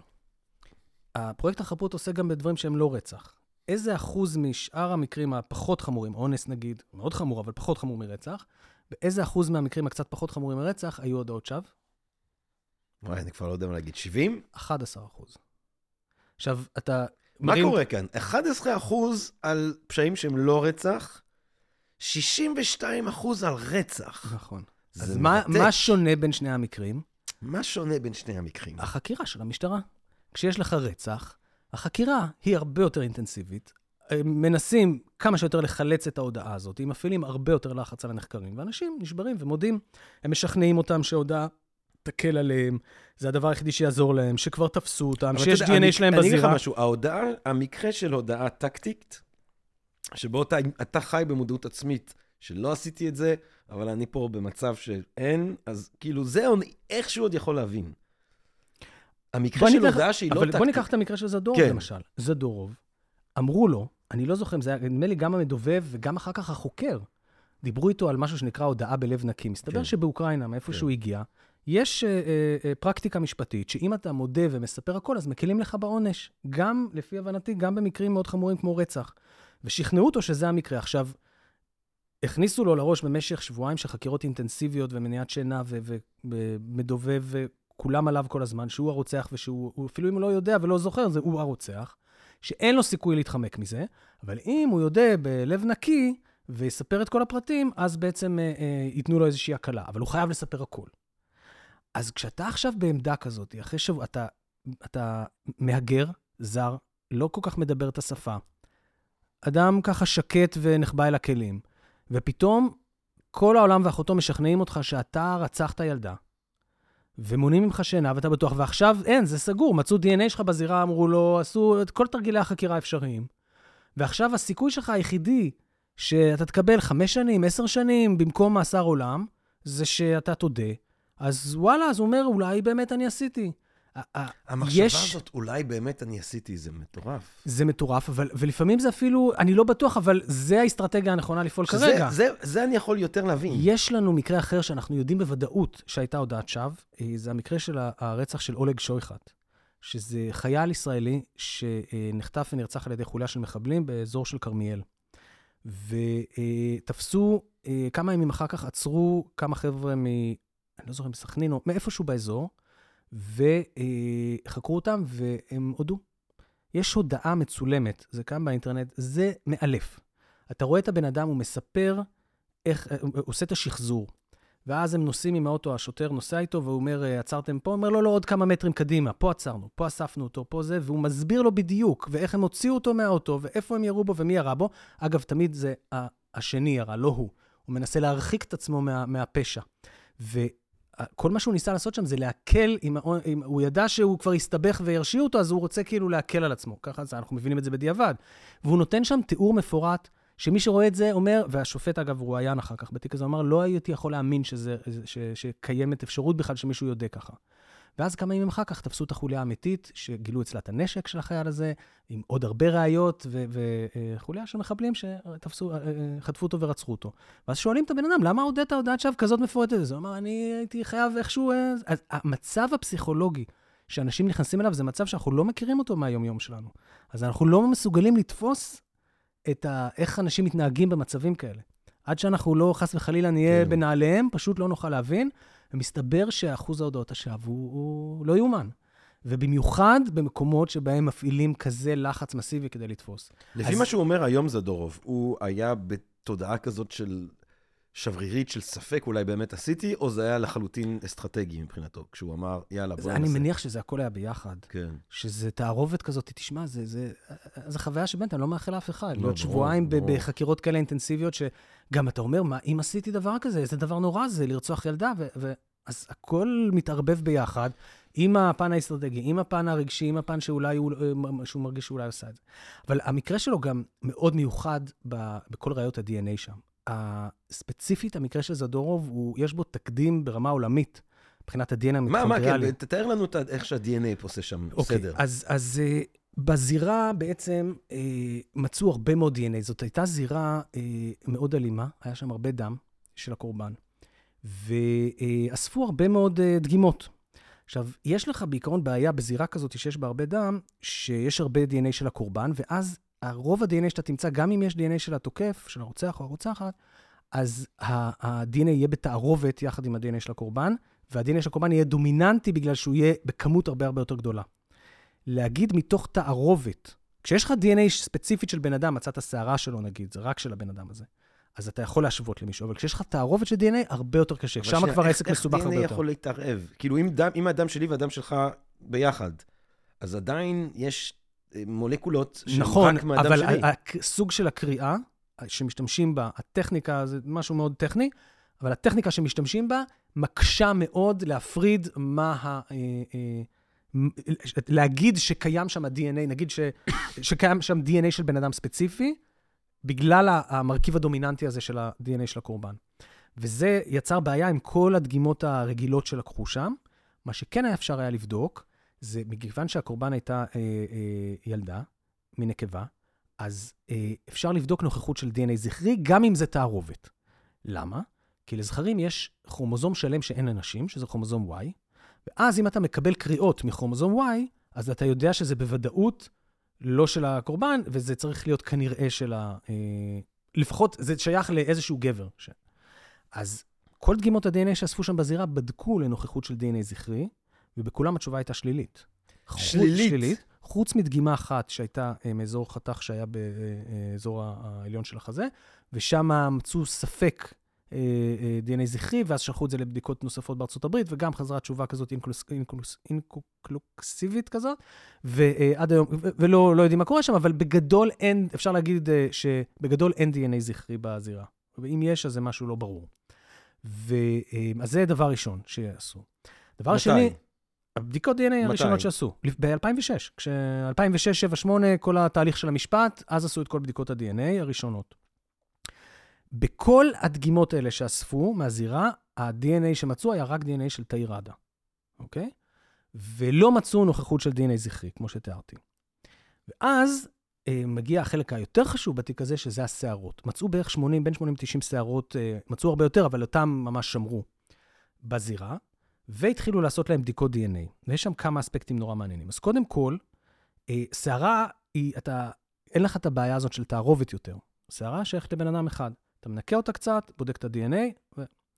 יש לך שני סוגים של DNA בכלל בגוף, אבל בשערות זה בא לידי ביטוי אה, בצורה הרבה יותר חזקה, זה DNA גרעיני ו-DNA מיטוכונדריאלי. DNA גרעיני זה אה, אותם שלושה מיליארד אותיות, הם נמצאים בתוך הגרעין. כשאתה עושה את הבדיקה של ה-20 מקומות האלה בגנום, כדי להגיד בוודאות זה, בן, זה הבן אדם, אתה בודק את ה-DNA הגרעיני. חוץ מזה, יש לנו עוד כרומוזום אחד קטן קטן, באורך של בערך 16,000 אותיות, שהוא נמצא מחוץ לגרעין. הוא נמצא אה, במיטוכונדריה, באיזשהו עברון כזה בתא שנקרא מיטוכונדריה, והכרומוזום הקטן קטן הזה, יש בו 16,000 אותיות DNA, כמו שאמרתי, הוא נשמר הרבה יותר טוב גם, למשל, בשערות שאין בהן שורש. Mm. שערה, בשורש של השערה נשארו הרבה תאים עם DNA גרעיני. החלק העליון של השערה, אני לא יכול להדגים פה, כן? אתה תדגים. אז החלק העליון של השערה, אמ, יש בו DNA גם גרעיני, היה בו DNA כן. גרעיני, הוא מתפרק יותר, ונשאר שם הרבה DNA מיטוכונדריאלי. Mm. עכשיו, מה הבעיה עם DNA מיטוכונדריאלי? בגלל שיש שם מעט מאוד מידע, אז אם אתה מצאת עכשיו DNA מיטוכונדריאלי בזירה, נגיד באחת השערות האלה בלי שורש. הרבה יותר קשה לצמצם. בדיוק. ועכשיו מצאו שזה, חס וחלילה, מתאים ל-DNA המיטוכונדריאלי שלך. כן. זה לא אומר עכשיו שזה אתה. זה אומר שזה אתה, ואולי עוד, ו, ו, או אתה, או אחד מאולי 100 אלף איש כן. אחרים באוכלוסייה. כן. הכל השאלה היא מה... זה יכול לפסול מישהו, זה לא יכול לאשש בדיוק. מישהו. בדיוק, אז ככה השתמשו בזה במשך המון שנים, וזה מתחיל עכשיו להשתנות בעקבות המשפט הזה של זדורוב, זה יהיה תקדים אה, מאוד מאוד מעניין בכלל לעולם, לא רק ל- לישראל. תכף נדבר למה. אבל ה- ה- ה- בגלל שזה, וזה לא רק 16 אלף אותיות, אלא קוראים, היסטורית היו קוראים רק 700 בערך, מתוך, 780, מתוך ה-16 אלף אותיות. אז המידע שהיו אוספים מ-DNA מיטוכונדריאלי היה מאוד מאוד מצומצם, וה-700 אותיות האלה, יש הרבה אנשים באוכלוסייה שיש להם את אותו רצף. אז אם היית מוצא רצף שונה, אתה יכול להגיד, זה לא השערה שלו. אבל אם מצאת רצף זה, אתה לא יודע עוד. אתה יכול לפסול הרבה אנשים, אבל יש הרבה אנשים שעדיין יכולים אה, אה, להיות הבעלים של הסערה הזאת. ברצח של תאיר ראדה, אה, כמו שאמרתי, מצאו בערך 80 שערות, התחילו לשלוח אותם לריצוף גנטי. אז כל מה שהיה בו DNA גרעיני, התאים לתאיר ראדה. כולל נגיד שערות שיש, אה, שערות שהיא החזיקה ביד, זה שערות שלה, זה DNA גרעיני שלה. אבל עצרו את בדיקת השערות הזאת. כמה, אה, ברגע שרומן זדורוב הודה, יש עדות של המומחית של המשטרה בבית המשפט, שהיא אומרת, אה, הוריתי להפסיק את בדיקות ה-DNA, כי רומן זדורוב עבד בשירותים האלה, ואז אם היינו מוצאים שם שערות שמתאימות לו, אוקיי, אז זה לא ראייה מאוד חזקה, אז אה, החליטו לחסוך במקרה הזה. היא לא אמרה לחסוך, אני אומר לך, כאילו, הם החליטו, אין, אין סיבה אמיתית לעצור את הבדיקות, יש לך ראיות, לא, תבדוק כי, את כולם. אבל אתה יודע, אם היית מוצא שערה נשית שהיא לא מהקורבן, אז... כן, עכשיו, אבל עצרו. ואז כל השערות שמצאו להם DNA גרעיני התאימו 100% לתאי ראדה. כל השערות, ש... כמעט כל השערות שמצאו להם DNA מיטוכונדריאלי, הוא התאים לתאי ראדה, אבל לא התאים לרומן זדורוב. לרומן זדורוב יש DNA מיטוכונדריאלי שונה משל תאי ראדה, ולכן כל שערה כזאת שנמצאה, היא בעצם יכלו לפסול... זה... רומן זדורוב לא הבעלים של DNA, של שום, של שום DNA שנמצא בזירה בעצם. לא של הדגימות דם, לא של השערות, וחלק גדול מהשערות היו באמת שייכות לתאי ראדה. אוקיי? בוודאות, כי זה DNA גרעיני, וחלק uh, אחר, כנראה שלה, כי ה-DNA המיטוכונדריאלי התאים לה, לא לרומן זדורוב, זאת אומרת, אפשר לפסול אותו, התאים לה אולי שלה, אולי של אנשים אחרים. עד שעצרו את הבדיקות אה, DNA האלה של השערות, הספיקו לקרוא גם uh, שש שערות שמצאו על הבגדים שלה, אוקיי? חוץ משערות אחרות שמצאו בתא שירותים, על האסלה, על הקירות וזה. אז הספיקו מתוך 50 uh, וכמה שערות שמצאו על הבגדים שלה, uh, הספיקו לרצף שש, ואז עצרו. ושם קרה משהו מאוד דרמטי, כי שלוש התאימו לתה ראדה, התאמה מיטוכונדריאלית, אבל שלוש לא התאימו לא לתה ראדה ולא לרומן זדורוב, וגם לא אחת לשנייה. זאת אומרת, היו שם hmm. שלוש שערות שונות משלושה אנשים שונים, שהם לא תה ראדה ולא רומן זדורוב, hmm. וידעו שזה פרופיל מיטוכונדריאלי, ה-700 אותיות האלה, 780 אותיות שונות. Hmm. של שלושה אנשים שונים. כן. עכשיו, היה המשפט של רומן זדורוב, אגב, חיפשו את ה-DNA של רומן זדוב בזירה, לא מצאו. שום, זאת אומרת, אנחנו יודעים שה-DNA שלו לא בזירה. אף אחת מהשערות ומאדם ושום דבר שמצאו בזירה לא מתאים לרומן זדוב. חיפשו את ה-DNA של תאירדה אצלו. על הנעליים, על הבגדים, במכונת כביסה, על הכלי עבודה שלו, לא מצאו שום דבר. לא מצאו את ה-DNA שלה אצלו. 2012, פסט פורד שש שנים, נכנס אותו אדיר חבני למשטרה, מתקשר, נכנס למשטרה, אומר, האקסיט שלי, אולה קרבצ'נקו, היא רצחה את תאירדה וסיפרה לי והראתה לי את ה... אה, אה, סכין. סכין ואת הכפפות ואת הבגדים שהייתה לבושה. היא עשתה, היא רצחה, הוא מספר אז שהיא עשתה, ביצעה את הרצח לבושה בבגדים שלו ועם התיק שלו, תיק של אחותו, שאגב חולקת את אותו דנ"א מיטוכונדריאלי כמו אדיר חבני. Hmm. אוקיי. עכשיו, הוא מספר את, הר... את ה... כל הדבר הזה, הוא לא יודע מה ראיות ה-DNA שנמצאו, למי הן מתאימות, איך הן מתאימות, ובוודאי שבשלב הזה עוד אף אחד לא השווה את ה-DNA מהזירה ל-DNA שלו. לקח כמה שנים של אה, ויכוחים, ואז אה, עורך דין ירום הלוי הצליח אה, אה, לשכנע את בית המשפט להורות לפרקליטות, כי הפרקליטות לא הסכימה לעשות בדיקה לשערות, להשוות את ה-DNA של השערות מהזירה ל-DNA של אדיר חבני ושל אולגה, קרפצ'נקו. אחרי כמה שנים הוא הצליח אה, אה, להכריח את אה, אה, הפרקליטות לעשות את זה, וכשהם עשו את בדיקת ה-DNA המיטוכונדריאלי, הם גילו שאחת מהשלוש שערות האלה, שדיברנו עליהן קודם, ה-DNA המיטוכונדריאלי שלה הוא כמו של אדיר חבני. Hmm. עכשיו, ואז, הוא היה, אתה יודע, מסיבת עיתונאים, הרבה רעש, ואז היה צריך להיזהר עדיין. למה? כי השאלה מה השכיחות של הפרופיל המיטוכונדריאלי הזה בארץ, נגיד. ואז הביאו מומחה לדנ"א מיטוכונדריאלי ישראלי, אה, אה, דוקטור דורון בר, והוא, יש לו מאגר של דנ"א מיטוכונדריאלי ישראלי, הוא בדק במאגר, אמר השכיחות של זה זה בערך 0.4 כלומר, אנחנו מדברים על אה, בערך אה, אה, 40 אלף איש באוכלוסייה, חצי אחוז, משהו כזה, זה היה השכיחות. אה, בערך 40 אלף איש באוכלוסייה שכנראה חולקים את אותו דנ"א מיטוכונדריאלי כמו הסערה. זאת אומרת, זה אדיר חבני ועוד איזה 40 אלף איש. אז אתה יודע, זה, כן, זה לא משהו ש- לזלזל בו. גם או- האחות, כן, עם התיק. כאילו, כן, כן. חלק מה-40 אלף איש האלה. כן. אז אתה אומר, זה לא משהו שצריך לזלזל בו, כי זה מאוד מצמצם את המספר של האנשים, וגם כמה מ-40 אלף איש האלה גרים באזור של קצרין והיו קרובים לזירת הרצח? הרבה פחות, ואתה יכול להוציא ילדים מהתמונה, ומאוד זקנים כן. מהתמונה, ו... אבל זה לכל הפחות מאוד מחשיד שהוא... שמשהו ש- זה, זה משהו, כן, זה...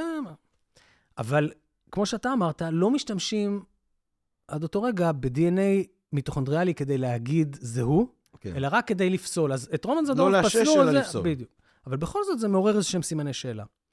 אחד מהדברים שאני אז קראתי לעשות, ובסופו של דבר גם עשו, אה, אה, גם ניסו לעשות אז, אבל הצליחו עכשיו עם שערות אחרות, זה רגע, רגע, רגע, בואו נקרא את כל ה-16,000 אותיות של המיטוכונדריה. לא רק את ה-780 האלה. למה? כי עכשיו אולי תמצא פתאום שזה שונה מה-DNA של אדיר חמאני. כשאתה מקבל יותר אינפורמציה, תוכל למצוא הבדלים. אתה תוכל לצמצם יותר. תוכל לצמצם, בדיוק. אז גם זה כבר היה, זה היה מאוד חדשני. אז ניסו לעשות עם הסערה האחת הזאת שהתאימה לאדיר חבני, שלחו את זה לאיזושהי מעבדה באוסטריה, חזרה תשובה שאין מספיק, לא נשאר מספיק DNA במבחנה כדי לעשות את זה. ושם זה בערך נעצר. כשהתנהל המשפט החוזר, אה, עורך דין ירום הלוי, מאוד בצדק, דרש שוב ושוב לבדוק את כל שאר הסערות. זה דבר שהוא בעיניי באמת מדהים. 15 שנה יש תיק רצח שהוא כל כך עושה, מכה גלים כן. באמת, ב... כן. יש לך 50 וקצת שערות שלא קראו מעולם את ה-DNA שלהם מזירת הרצח. מטורף. זה עלות זניחה. לעומת כל הכספים שהשקיעו, באמת, זה, זה במעבדה, באמת, זה עולה כמה עשרות דולרים גג ל- טוב, זה. כלום, זה לא כסף. זה לא כסף. ובסופו של דבר, כאילו, הפרקליטות מתנגדת, מתנגדת, ובסופו של דבר בית משפט uh, מחייב, הסיכום היה שההגנה תשלם על הבדיקות, ואז המכון לרפואה משפטית עושה את הבדיקות האלה, והם עושים את זה טוב מאוד, ובאמת עשו עבודה מעולה. הם קוראים עכשיו את הסערות החדשות, הם קראו 18 סערות, והם אה, אלה שנשארו, והם עשו קריאה מלאה של הגנום המיטוכונדריאלי. Mm. כל ה-16,000. ומה שהם מגלים זה ש-17 מתאימות לגנום המיטוכונדריאלי המלא של תאירדה, ואחת מתאימה לגנום המיטוכונדריאלי המלא של אדיר חבני. Mm. כלומר, יש לנו שערה שנייה כבר מהזירה, שמתאימה לאדיר חבני, אבל רק הפעם בצורה שהפעם מלאה. בצורה מלאה. אז מה- כמה אחוזים של. האוכלוסייה זה? באים לבדוק, פותחים את המאגרים, ומגלים, למרבית התדהמה, שאין במאגר אף אחד עם הפרופיל המלא הזה. חזרו לאותו מאגר של דרום בהר, היו, היו שם תשע שערות שהתאימו אז, תשע מאלפיים, שהתאימו לפרופיל החלקי. בדקו, לא נשארו כל התשע, זה עבר הרבה זמן מאז, וזה מאגר שנבנה לצורך מחקרי, לא לצורך פורנזי. הצליחו לקרוא רצף של שש מהם, לא התאימו. ואז המשטרה אמרה שרגע, גילינו עוד מאגר אה, של דנ"א מיטוכונדריאלי, עם עוד שלוש שיש להם התאמה חלקית, קראו גם אותם, אין התאמה. בקיצור, אין במאגר אף דגימה שמתאימה. ואז הלכו למאגרים בינלאומיים. מאגר שהמשטרות בדרך כלל משתמשות בו זה מאגר שנקרא אמפופ, שזה מאגר שנבנה ככה לצורך פורנזי. יש בו בקרת איכות מאוד קפדנית, ובודקים כל דגימה ככה ברחל בתך הקטנה שהריצוף הגנטי בוצע טוב וזה. תסתכלו, במאגר הזה יש בו בערך אה, 5,000 דגימות עם אה, ריצוף אה, מיטוכונדריאלי מלא. לכמה דגימות זה מתאים שם? אפס. כלומר, מתחילים להבין שהפרופיל המיטוכונדריאלי של אה, אדיר חבני הוא די נדיר. ואז, אחת מהאנליזות שאני עשיתי בקייס הזה, זה להסתכל על מאגרי מידע מיטוכונדריאליים בינלאומיים שהם לא לצורך פורנזי. אז נכון שהשיטת האיסוף בהם היא לא עברה את כל הבקרות האיכות הקפדניות אבל וזה, הדבר- אבל הן אבל- נותנות לנו איזושהי אינפורמציה בכל זאת. זאת אומרת, אבל אם אני בודק את זה מול מאגרים, נגיד בארצות הברית, שאין שום עניין, מן הסתם למצוא מישהו שמעורב בסיפור הנורא הזה, שחי בארצות הברית, לצורך העניין, זה מה? זה כדי להראות עד כמה שה... השכיחות של הפרופיל המיטוכונדריאלי, אם הוא ש- מאוד מאוד נדיר, זה אומר שסביר מאוד שבישראל אין כמעט אנשים עם הפרופיל הזה אם בכלל. לא, אבל לא זה רק צריך לבדוק גם. את, ה, את המוצא שלו וללכת למדינות ה... יפה. הרלוונטיות. אתה צודק מאוד, אבל תכף, נ, נ- תכף נ- נראה שאפשר לבדוק גם במדינות אחרות. תכף אני אסביר למה. אתה, זה אולי יהיה טיפה פחות מדויק. אם אתה תבנה מאגר של מיטוכונדריה מלאה של כל האוכלוסייה בישראל, מעולה, זה הכי טוב. אבל בהינתן שאין לך את זה, אז יש מאגרים בינלאומיים אה, עם מאות אלפי דגימות של DNA מיטוכונדריאלי מלא. יש אה, אה, אה, מאגר, המאגר הכי גדול זה מאגר של אה, חברה שנקראת הליקס, הם פרסמו לפני כמה שנים את התוצאות של המאגר שלהם. אתה יכול לעשות בדיקה מול המאגר הזה, ויש עוד שני מאגרים אחרים אה, אה, גדולים, של כמה עשרות אלפי דגימות בכל מאגר, ומאגרים שמשתמשים בהם כל הזמן, לבדיקה של מחלות, לזה, זה מאגרים רציניים. אגב, דיברתי אישית גם עם מי שהקים את המאגר של אליקס, והם עשו שם עבודה מעו- מעולה. אני סומך את ידיי על הבקרת איכות שהם עשו שם, עשו עבודה מאוד טובה. ואתה משווה את זה מול זה, ואתה מגלה משהו נורא מעניין. לאדיר חבני יש שתי מוטציות בגנום המיטוכונדריאלי שלו, שהן לא נמצאות ב-780 אותיות הראשונות שקרו, אלא איפשהו ב-15,000 האחרות, שאף פעם לא היו קורים לפני זה. יש לו שתי מוטציות מאוד מאוד נדירות. Mm. אחת מהן למעשה נצפתה רק איזה פעם אחת בכל ה-200 אלף איש האלה בארצות הברית, ואפס פעמים במאגרים אחרים. ויש לו עוד מוטציה אחת מאוד מאוד נדירה, טיפה פחות נדירה, אבל גם מאוד נדירה, נצפתה אצל בודדים, אבל השילוב בין שניהם אצל אף אחד. הוא ייחודי. אף אחד בעולם. עכשיו, למה זה קריטי? אז אתה תגיד לי, והתביעה אגב העלתה את, אה, את הטענה הזאת, אמרו, אוקיי, אז תבדוק אה, מאגר בסין, יש לך שם מיליארד איש, זה לא יתאים אף אחד כן, לסערה שם, כן. אתה תגיד אה, אפס אה, ממיליארד. אז גם המאגר בסין, יש לו חשיבות מסוימת, כאילו הוא יכול לתת לך אינדיקציה למה, כי מוטציות מאוד נדירות הן נדירות מסיבה בדרך כלל. זה מוטציות שהן גורמות לאיזשהן בעיות, לאיזשהן אה, אה, אה, תקלות בחלבונים שמיוצרים על ידי הגנום המיטוכונדריאלי, ואז אלה מוטציות שבדרך כלל, בגלל אבולוציה, הם לא ישרדו פשוט. זאת אומרת, מי שנושא את המוטציה הזאת, או שהוא לא ישרוד, או שיהיה לו אה, אה, אה, תקלות פוטנציאליות אחרות עם, עם השילוב הגנטי עם מוטציות אחרות. אז יש לך מוטציה ככל שהיא יותר נדירה, אתה, יש לך קורלציה מעולה של כמעט 100% בין השכיחות של מוטציות במאגרים שונים. היא לא 100%, כי יש מוטציות שנגיד, הן יהיו נדירות בעולם והן קצת יותר שכיחות אצל, אה, נגיד, יהודים. אתה רואה, נגיד, לא בגנום המיטוכונדריאלי, בגנום הגרעיני, נגיד, יש לך מוטציה לטייזקס, שהיא סופר נדירה בעולם והיא קצת יותר שכיחה בארץ, אבל עדיין השכיחות שלה היא 2.5%, 3%, משהו כזה. זה עדיין נמוך. זה לא ש- 20%, 30%. כשאתה מסתכל על גרפים ומשווה בין השכיחות של מוטציה גנטית באוכלוסייה א' לשכיחות באוכלוסייה ב', אתה מקבל קורולציות מאוד מאוד גבוהות. מה שאומר שאם המוטציה הזאת מאוד מאוד נדירה בסין, היא גם תהיה מאוד מאוד נדירה בישראל. Mm. גם אם היא לא תהיה אה, 0.0000001 אחוז, אז היא תהיה 0.01 אחוז. זאת אומרת, ככל שאנחנו מתקדמים, הרעיון שאנחנו מדברים פה על השיער של אדיר חבני, אה, מתחזק. נכון, קרא, נקראו 16,000 אותיות, יש התאמה, וספציפית, מזל, עניין של מזל לגמרי, כי היה יכול להיות מישהו שהשכיחות המיטוכ- של הפרופיל המטכנריאלי שלו הרבה יותר שכיח. ספציפית, יש לו שתי מוטציות סופר סופר נדירות, והפרופיל המלא המיטוכונדריאלי שלו הוא סופר נדיר, כזה נדיר שאף פעם לא ראו בשום מקום בעולם, באף מאגר. אבל למה בעצם לא מצאו מעיד על- גברי אז? כי אתה התחלת... הטענה שלו היא שהאקסיט שלו, שהיא אישה, רצחה. לא, אבל השיער, הם כן מצאו שערה שלו. השערה שלו, אבל מצאו רק את ה-DNA המיטוכונדריאלי. ה-DNA המיטוכונדריאלי לא מבדיל לך בין בן לבת. כרומוזום, ה- החרומוזום Y נמצא בגרעין, הוא חלק מהגנום, ה- Mm. מה-DNA הגרעיני.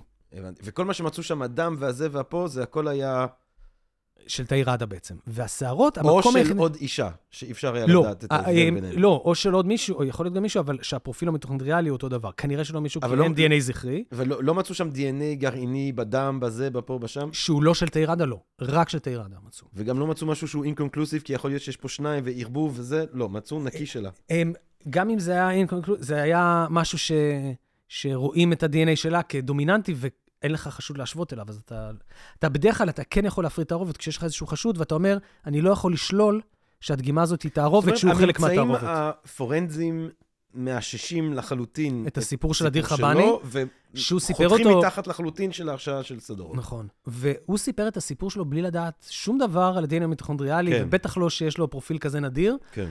ש... בעצם, אנחנו מדברים על 2012, עשר שנים לפני שעשו את הבדיקה הגנטית הזאת עכשיו.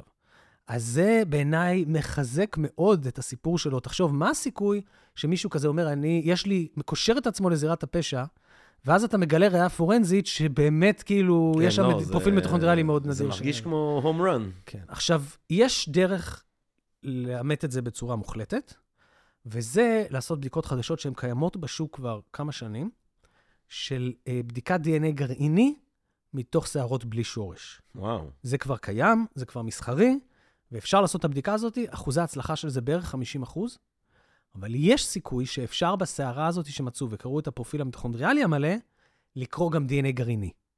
ואם יצליחו לעשות את זה, ויפה שעה אחת קודם, תראה, אם הוא יזוכה ב-9 במרץ, יש סיכוי מאוד סביר שזה מה שיקרה, למשטרה יש תיק פתוח עכשיו. הם צריכים למצוא מי הרוצח. כן.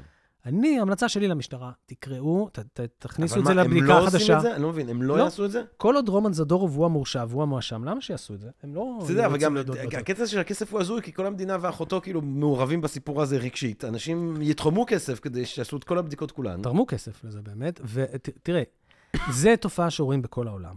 כל מקום שנכנס בו פרויקט כזה שמערערים בעצם על התזה שלה ועל מה שקרה במשפט, המערכת מאוד קשה להם. מאוד קשה לה להודות בטעות, וזה אנושי מצד אחד. צריך להיות אנשים מאוד חזקים כדי אבל להגיד, זה אשכרה אותם אנשים, ס- או זה אותה מערכת? כאילו, זה אותם בעלי תפקידים בעשור האחרון מאז אז? בדרך כלל, איפה אתה רואה את השינוי? כשהתובע מתחלף, ומגיע מישהו חדש בארצות הברית, ואז הוא מנקה את השולחן, אומר, רגע, רגע, בואו עכשיו, הוא, הוא, כל עוד זה אותו תובע, או אותה מערכת, או אנשים שמכירים וזה, אז קשה להם מאוד להודות בטעויות. ותשמע, גם אני חושב שברמה האנושית להבין, יש, יש סיפורים, באמת, בארצות הברית יש uh, מקרה מאוד מפורסם של uh, uh, הנרי מקולום, קוראים לו, בחור צעיר, בגיל 19, גם uh, עם, uh, על גבול פיגור שכלי. בגיל 19 הרשיעו אותו ברצח של ילדה. Uh, הגיע לבקר באותו קיץ בעיירה הקטנה בארצות הברית, העיירה הענייה, ביקר את אימא שלו ואחיו החורג, ונרצחה שם ילדה צעירה. ואז uh, uh, מישהו אמר, ככה שהוא שמע שמועה שהוא מעורב, עצרו אותו, חקרו אותו, תוך כמה שעות הודה, uh, סיפר שזה ארבעה אנשים עשו את זה, כולל אח שלו. אחד מהארבעה האלה. בכלל לא היה במדינה באותה תקופה, לא הפריע למשטרה. עצרו אותם, צ'יק צ'אק, משפט בארצות הברית זה לא שנים, זה מושבעים, חודש, הרשיעו, גזר דין מוות. הוא ישב 30 שנה בתא הנידונים למוות, אח שלו גם נידון למוות, אחר כך היה משפט חוזר, הם עוד פעם הורשעו, והאח אה, הומתק העונש למאסר עולם, הוא עדיין נשאר בגזר דין מוות, הוא פעם אחת היה שבוע מהוצאה להורג. 30 שנה אחר כך, פרויקט החפות הניע את התהליך, עשו בדיקה, מצאו, הייתה סיגריה, היה בדל של סיגריה בזירת הפשע, שהמשטרה ידעו להגיד שזה של הרוצח. הם חשדו בסבירות מאוד גבוהה שזה של הרוצח, לפי איך שמצאו אותו.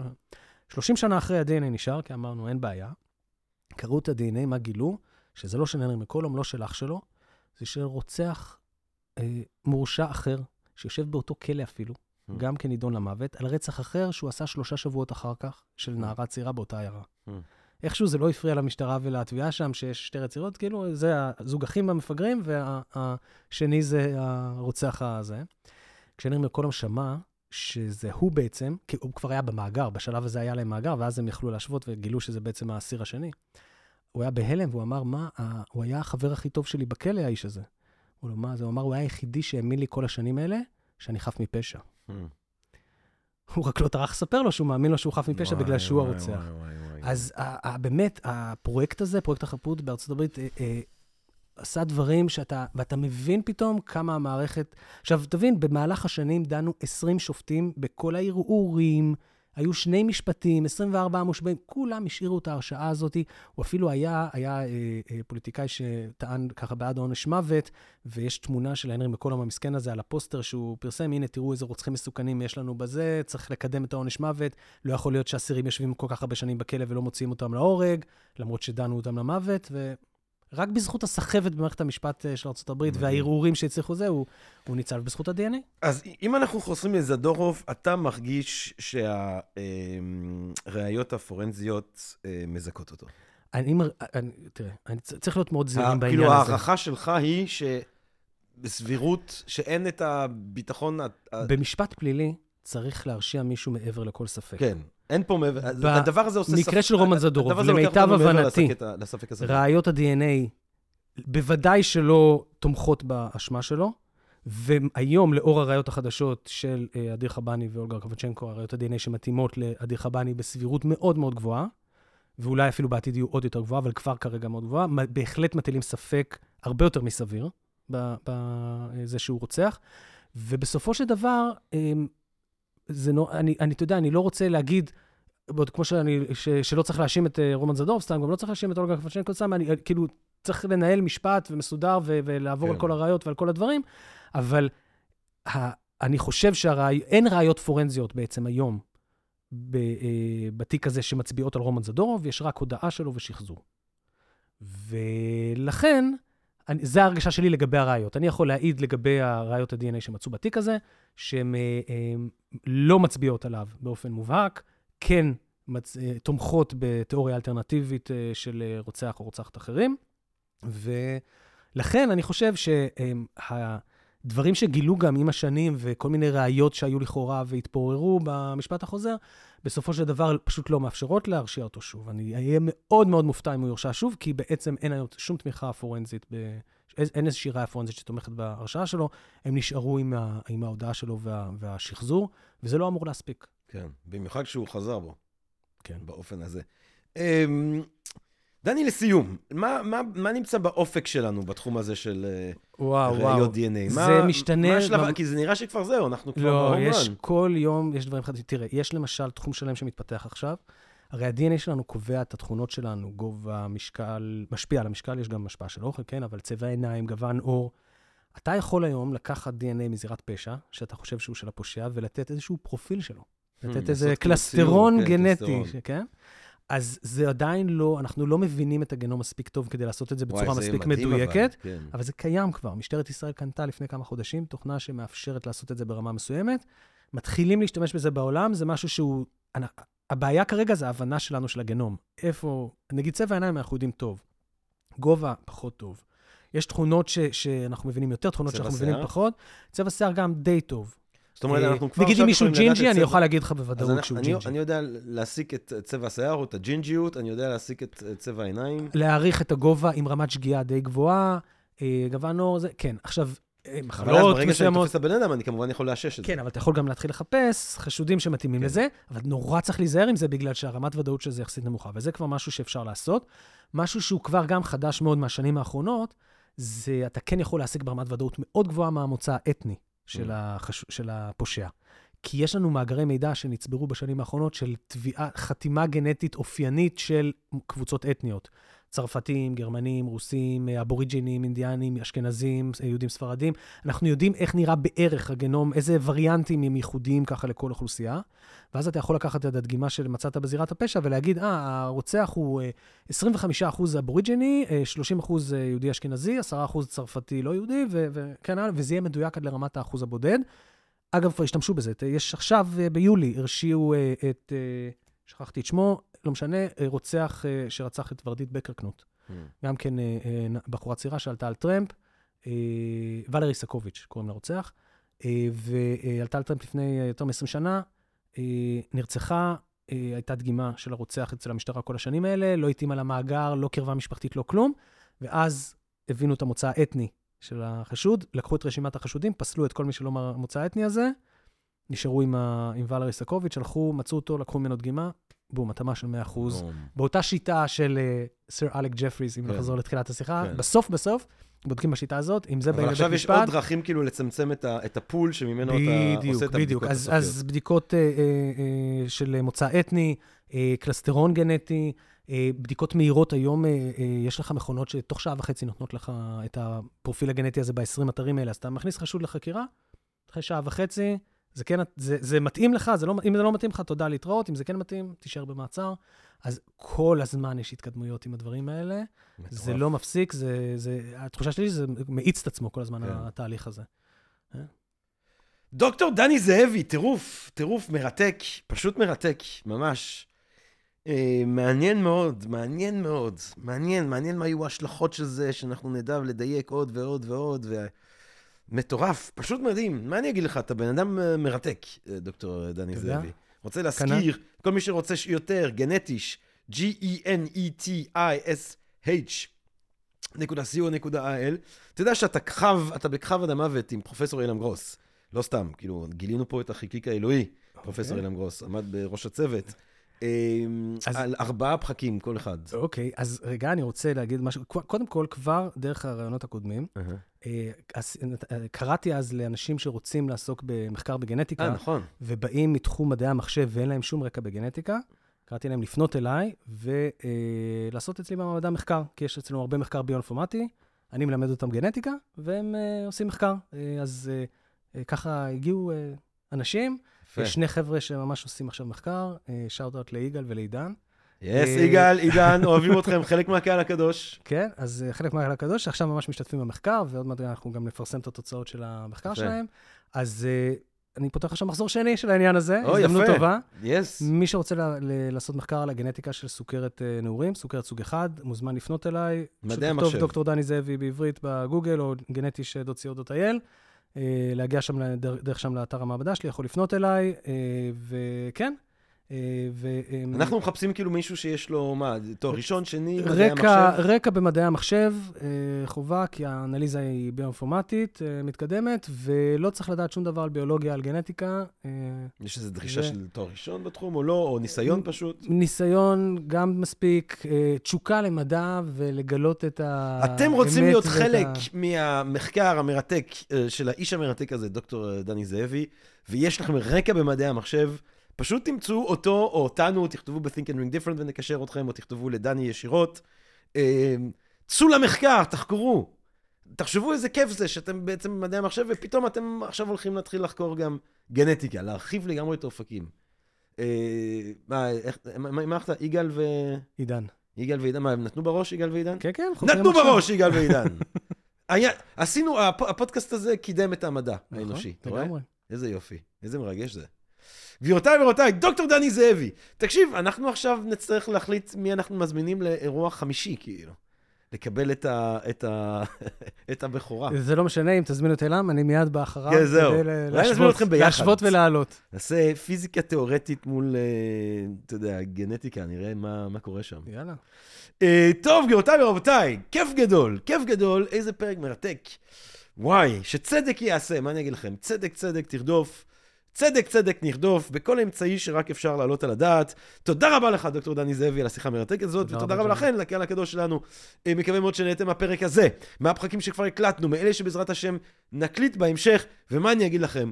רק צדק, רק תמימות, שלא נדע עוד פשע. אה, ועד אז, שנדע אה, צדק במקרים המצערים והנוראים שבהם זה כן קורה. רק בריאות, רק אהבה רבה, ונשתמע. פודקאסט, פודקאסט, Podcast.